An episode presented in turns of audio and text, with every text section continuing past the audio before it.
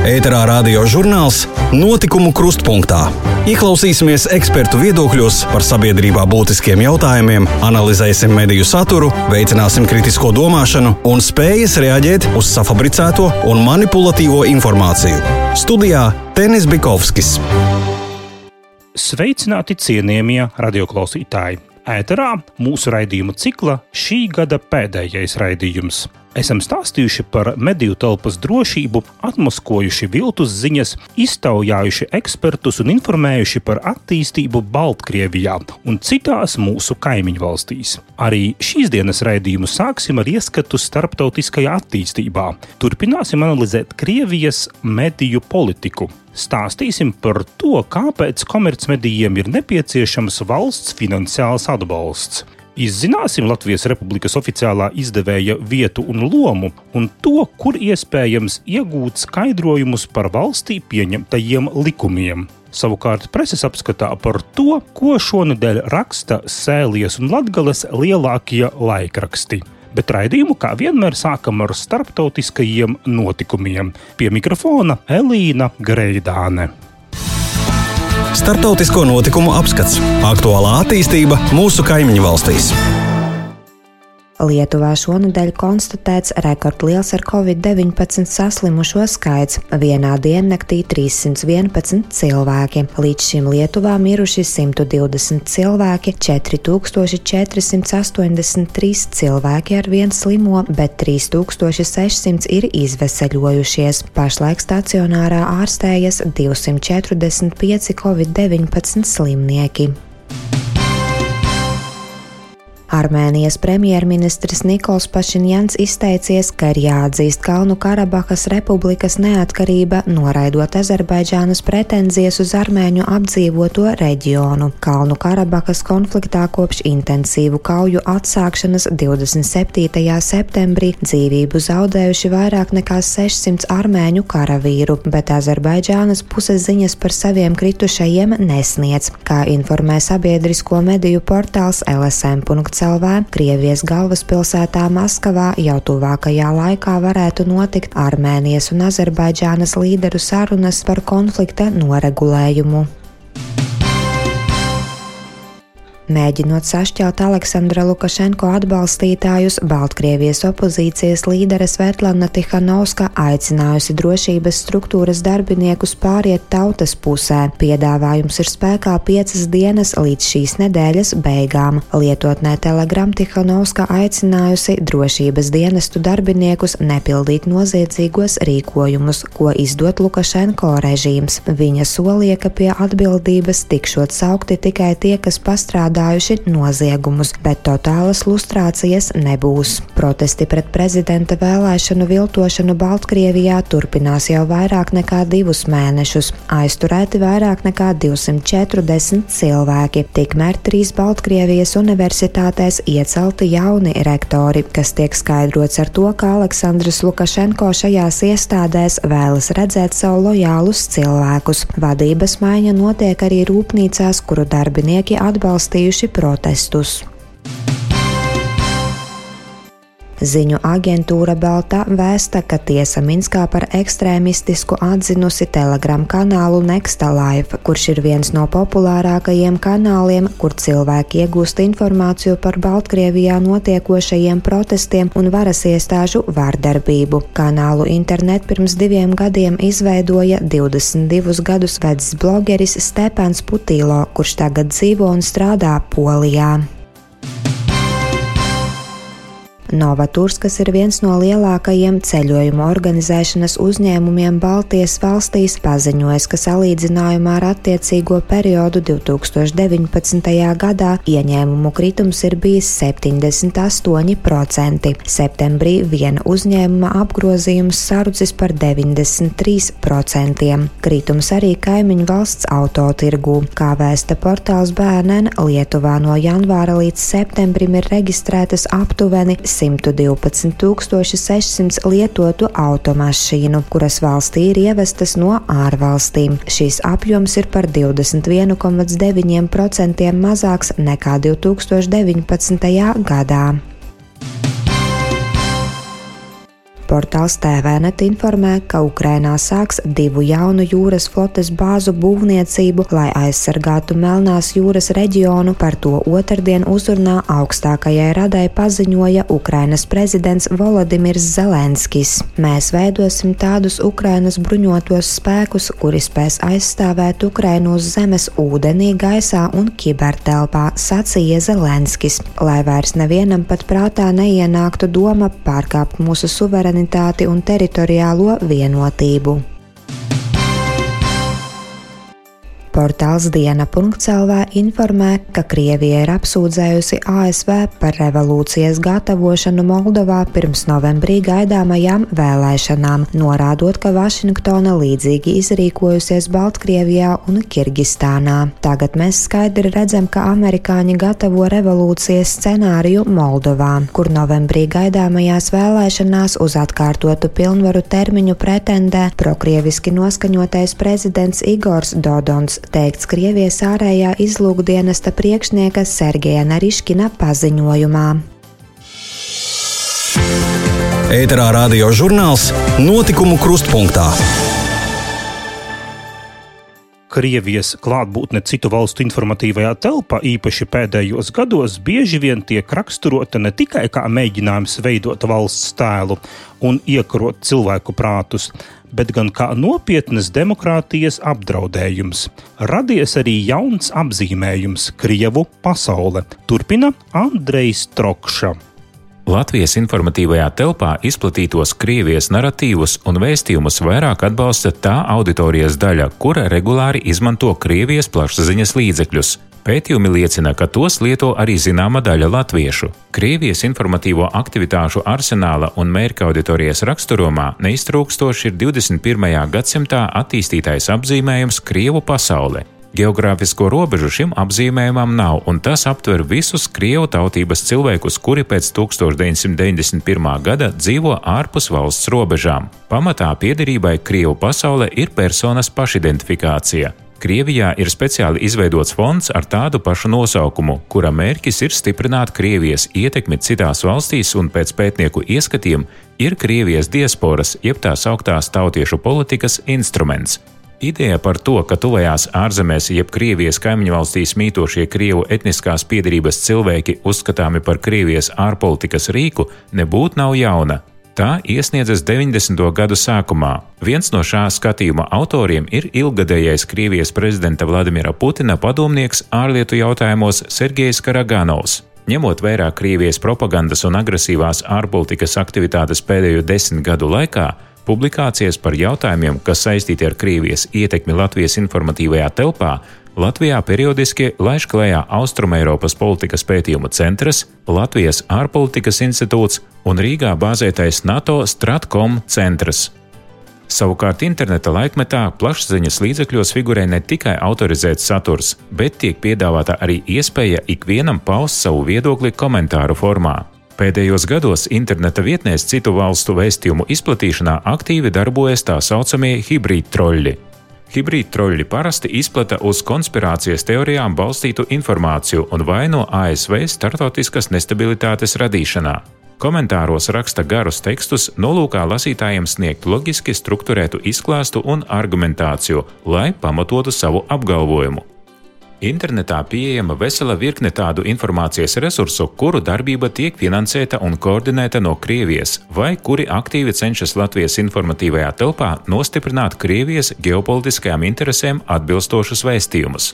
Pie šādiem resursiem pieder gan Latvijā plaši pieejamie Krievijas televīzijas kanāli, gan arī Krievijas mērķtiecīgi veidotās interneta un multimediju platformas, piemēram, Kremļa propagandas portāli Sputnik un LV Baltņūs.com. Spilgts piemērs šajā ziņā bija Krievijas informācijas kampaņa pret Ukrainu. Tā tika īstenota sinhroni izplatot līdzīgus vēstījumus vadošajos Krievijas televīzijas kanālos, pirmais kanāls Rosija un NTV. Informācijas kampaņā pret Ukrainu tika izmantota negatīva informācija, kura balstīta uz jau vairāku gadu garumā uzturēto propagandu pret Ukrainu kā pareizticīgās civilizācijas un Krievu pasaules neatņemumu sastāvdaļu, Rietumu Ukrainu kā fašisma perēkli un Krimu kā Krievijas zemi.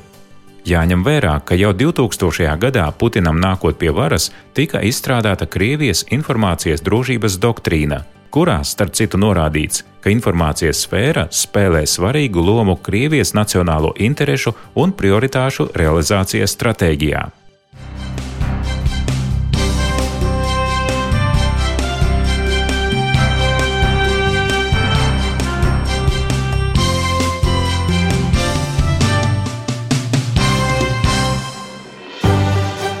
Ēterā radio žurnāls Notikumu krustpunktā.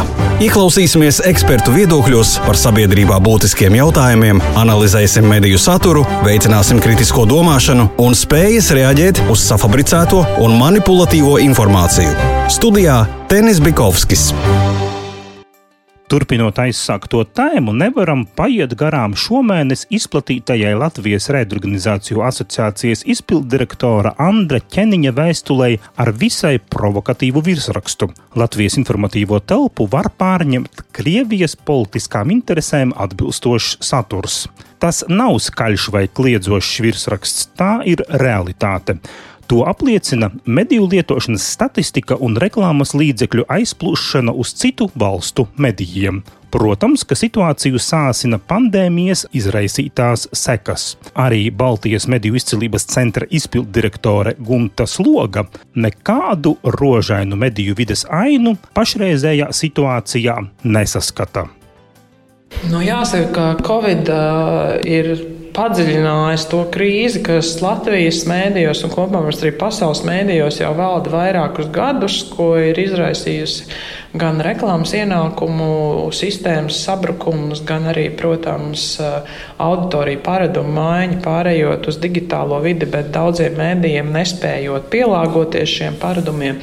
Nu, lūk, un Covid, protams, ir radīja papildus triecienu, jo mēdīji zaudēja jau tā trūcīgos ienākumu avots. Kā, protams, tas, ko mēs arī esam redzējuši Latvijas mēdījos kopš pavasara, ka daudzi mēdīji ir bijuši, piemēram, spiesti samazināt algu algas saviem darbiniekiem. Un tur bija tas lielais absurds, ka no vienas puses žurnālisti strādāja vairāk no nu, kā nekādā atspoguļot Covid, bet no otras puses viņiem samazināja algu. Un, un ir skaidrs, ka kaut arī, protams, arī ar valsts palīdzības mehānismiem tā situācija kaut cik nostabilizējās. Un, protams, tādi lielāki mēdī, arī lielās mēdī platformas, viņi, viņi noteikti izdzīvos pat ja viņi ir kaut kā ierobežojuši to savus līdzekļus, tad nu, tieši mazajiem reģionu mēdījiem, kuriem jau tāpat šī situācija ir ļoti sarežģīta, nu, teiksim, tā nākotne. Es negribu šobrīd biedēt, ka mums gaida nezinu, kāda slēgšana mēdī vai ko, bet, protams, tā izdzīvošana kļūst vēl sarežģītāka. Un šeit, manuprāt, ir svarīgi, es gribu uzsvērt, ka valsts atbalstam ir jābūt reģionālajiem mēdījiem, jo reģionālajie mēdīji. Tīpaši šī brīža situācijā ar sabrukušo finanšu modeli, plus to, ka cilvēki reģionāls kļūt mazāk, nevarēs izdzīvot paši ar saviem ienākumiem, un valstī ir jāatbalsta. Bet valstī ir jāatbalsta tādi mēdīji, kuri vēlas attīstīties. Jo nu, mums nav jēgas vienkārši uzturēt kaut ko, kuram nu, pēc gada, diviem vai pieciem tiešām vairs nebūs auditorijas. Kā vienu no priekšlikumiem komerciālie mediji aicina pārskatīt kredītu reklāmas ierobežojumus, kas pat laban nosaka pilnīgu kredītu reklamēšanas aizliegumu medijos. Lai komerciālie mediji turpinātu savu darbu, īstermiņā nepieciešami 6 miljoni eiro, no kuriem 2 miljonus ieguldītu apraides uzturēšanā, bet 4 miljonus izmantotu satura atbalstam. Tāpat naudu plānots ieguldīt darbinieku noturēšanai. Diskusijā, kas šonadēļ notika Saimas cilvēktiesību komisijā, deputāte Dagmāra Beitnere Lagala sacīja, ka neatbalstītu priekšlikumu par kredītu reklāmas atvieglojumiem. Pēc viņas sacītā, ja medijos atļaus kredīta reklāmas, sāksies domino efekts un cilvēki vairs nebūs pasargāti no kredītu riskiem. Deputāts Andrejs Judins pauda atbalstu priekšlikumam par produktu līzinga, studējošo un hipotekāro kredītu reklāmai radio un televīzijā. Savukārt deputāts Māris Kučinskis atzīmēja, ka straujiem soļiem jādomā arī par digitālo nodokli, jo internets ir jauniešu galvenā platforma satura patēriņam.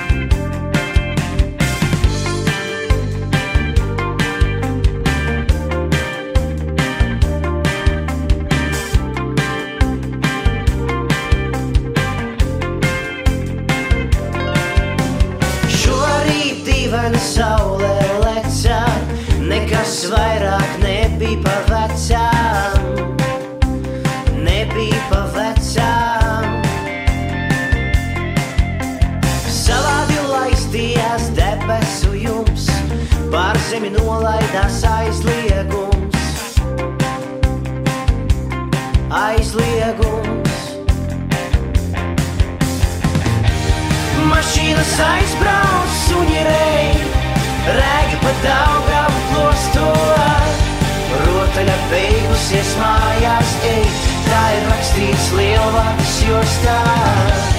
Mašīnas aizbrauc, suņi rei, Rēgi pa daugavu klostuvā Rotaļa beigusies mājās, ej Tā ir rakstīts lielvārdas jostā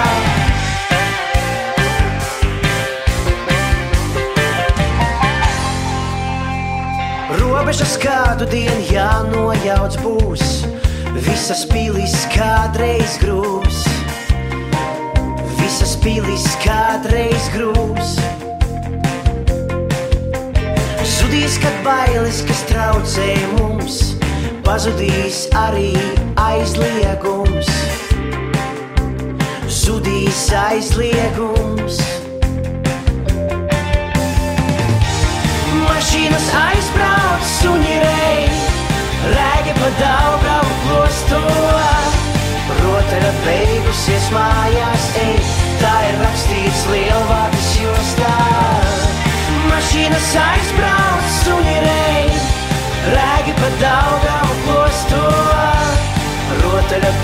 Beigusies mājās, ej, tā ir rakstīts lielvārdas jostā.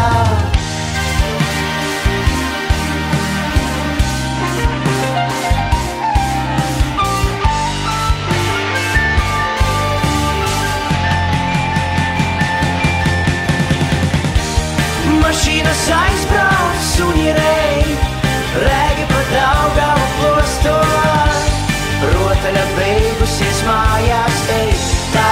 ir rakstīts lielvārdas jostā. Mašīnas aizbrauc, suņi rei, rēgi pa daugavu klosto.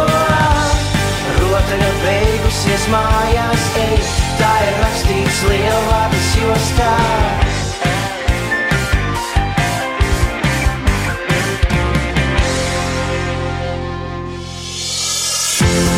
Ēterā radio žurnāls Notikumu krustpunktā.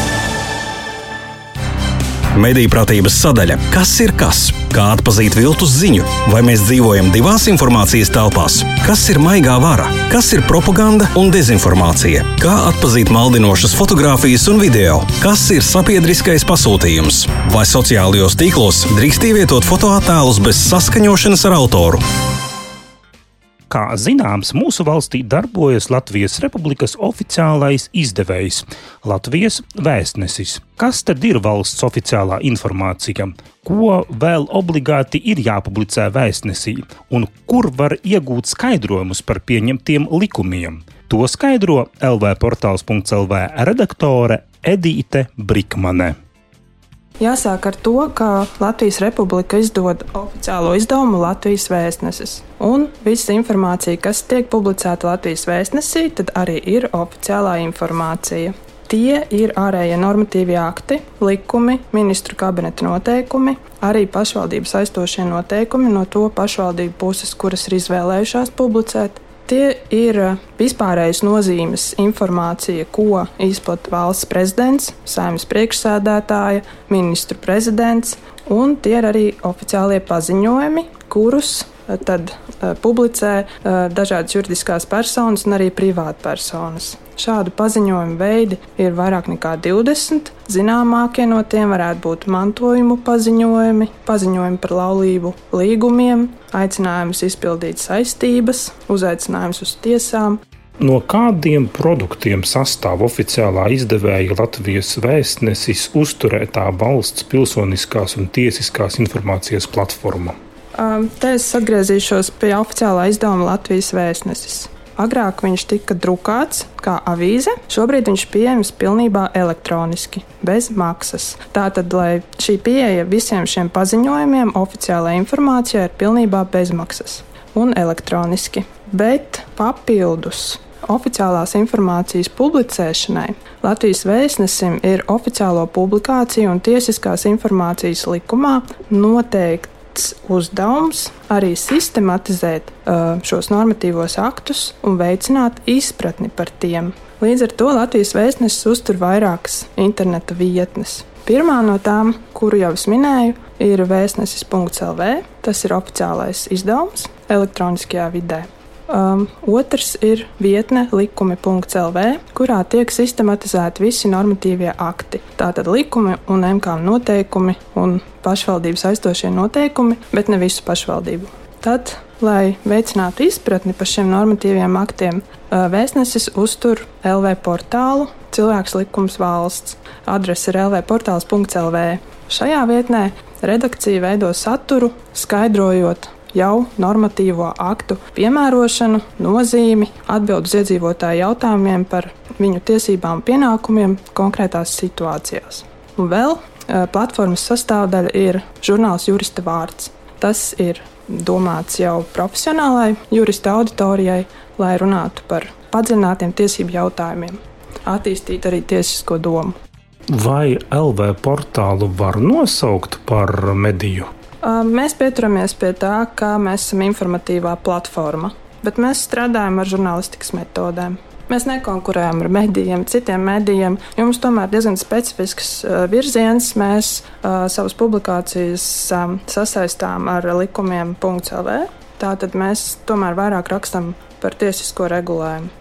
Cik um, jūsu šīs platformas ir pieprasītas, vai jūs veicat kaut kādu statistiku, lai apmēram zinātu, kā šis jūsu darbs uh, tiek uh, novadīts līdz sabiedrībai, cik liels šis pieprasījums? Jā, mēs to darām un uh, regulāri skatāmies, kāda ir mūsu statistika gan visai platformai kopā, gan atsevišķi katrai šīs platformas daļai aptuveni vidējais apmeklējums visai Latvijas vēstnešu platformai mēnesī ir 450 tūkstoši lietotāju no unikālajām IP adresēm. Tas ir pēc gēmijas datiem. Un viens no lielākajiem apmeklētāju skaitiem ir tieši portālam Likuma LV un LV portālam. LV portāla vidējais apmeklētājs skaits mēnesī ir no 230 līdz 250 tūkstošiem apmeklētāju mēnesī. Arī pandēmijas laiks pierādīja, ka šī informācija ir ļoti pieprasīta. Mēs sasniedzām 300 tūkstošus lasītāju mēnesī. Tie ir aptuveni 20% no visiem internetu lietotājiem Latvijā. Skaidrojumu sniedza LV portāls.CLV redaktore Edīte Brikmane. Šomēnes visnotaļ lielu viedokļu apmaiņu sacēla portālā publicētā intervija ar Rīgas Stradiņu universitātes profesoru Denisu Hanovu. Pēc viņa domām ir ļoti grūti pretoties pieaugušajai lietu vienkāršošanai un sabiedrības muļķošanai. Sazvērestības teoriju popularitātes un dezinformācijas izplatības laikmetā, kad katrs izvēlas savu taisnību. Sazvērestības teoriju popularitātes pamatā ir informācijas pārbagātība, nedrošība un izklaides kultūrai raksturīgais melnbaltais pasaules redzējums.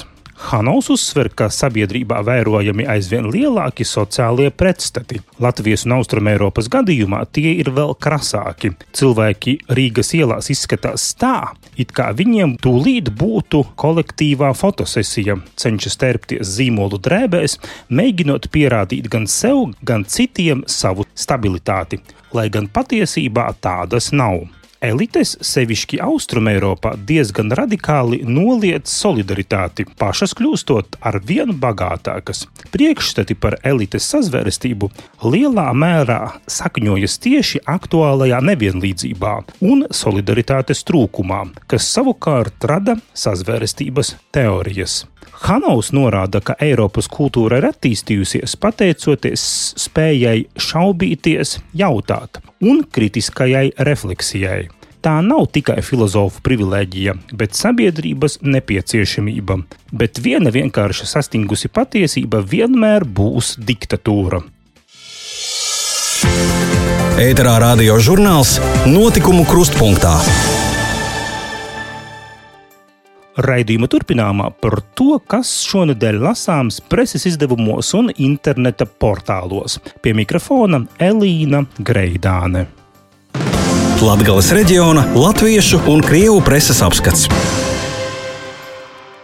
Vietējās Latgales avīzes 23. oktobra numurā lasāma intervija ar Ilūgstes novada priekšsēdētāju Stefanu Rāznu. Viņa pārstāvēto novadu pievienos Daugopils novadam, izveidojot Augšdaugavas novadu. Rāzna uzskata, ka Ilūgstes novada iedzīvotāji šādu reformu nevēlas, jo sēlija atšķiras no Latgales ar valodu un mentalitāti. Vietējā savās slējās risina arī kādu būtisku problēmu, proti Daugopils reģionālajā slimnīcā pieaudzis pacientu skaits ar kronisku slimību sāsinājumiem, un pēc slimnīcas vadītāja Grigorija Semjonova novērotā vai nu cilvēki Covid dēļ baidās doties pie ģimenes ārsta, vai paši ģimenes ārsti neārstē pacientu, pirms viņš nav veicis Covid-19 testu. Semjonovs pauž, ka var saprast kolēģus, viņi negrib inficēties, bet no otras puses slimnīcas uzņemšanas nodaļā veidosies burzma un cilvēkiem vajadzēs gaidīt rindā vairākas stundas, kas nebūtu labi.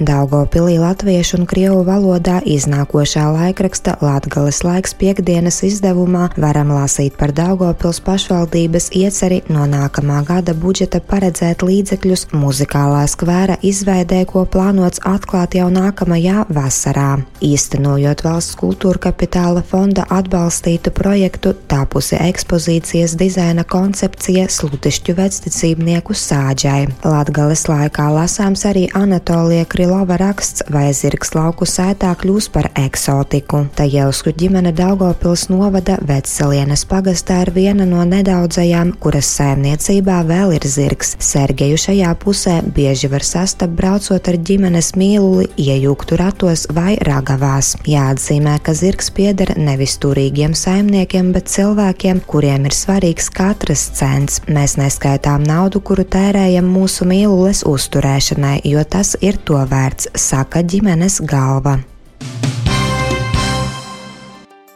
Jēkabpilī iznākošais laikraksts Brīvā Daugava šonadēļ sniedz ieskatu Jēkabpils multifunkcionālās halles atklāšanas pasākumā, kā arī vēsta par to, ka Aknīstē atklās piemiņas vietu holokaustā nogalinātajiem ebrejiem. Latgaliešu kultūras portālā lakuga.lv lasāms interesants Sandras Ūdras raksts par to, kā pārnovadnieki vēstures griezumā apzīmējuši Latgales iedzīvotājus - polīši, čangaļi, dādiņi, tālumnieki, augšnieki un pat latgalnieki. Lakuga informē arī par to, ka 7. novembrī notiks 4. pasaules diktāts latgaliešu rakstu valodā. Tas skanēs Latvijas radio 5. programmas raidījumā Pīci brēnumi, kā arī būs pieejams portālā lsm.clv. Portāls Rēzaknes ziņas.CLV vēsta par bezmaksas semināru Rēzaknes un Viļānu novada lauksaimniekiem lauksaimniecības produkciju ražojošo saimniecību konkurētspējas palielināšana, kas norisināsies 28. oktobrī pulksten desmitos Rēzaknē Dārzu ielā 7a, pirms tam jāveic pieteikšanās. Savukārt portāls Daugopils ziņas.lv informē, ka kultūras ministrija ir izsludinājusi priekšatlasi Eiropas kultūras galvaspilsētas nosaukuma piešķiršanai 2027. gadam, un kandidēt nolēmusi arī Daugopils pilsēta.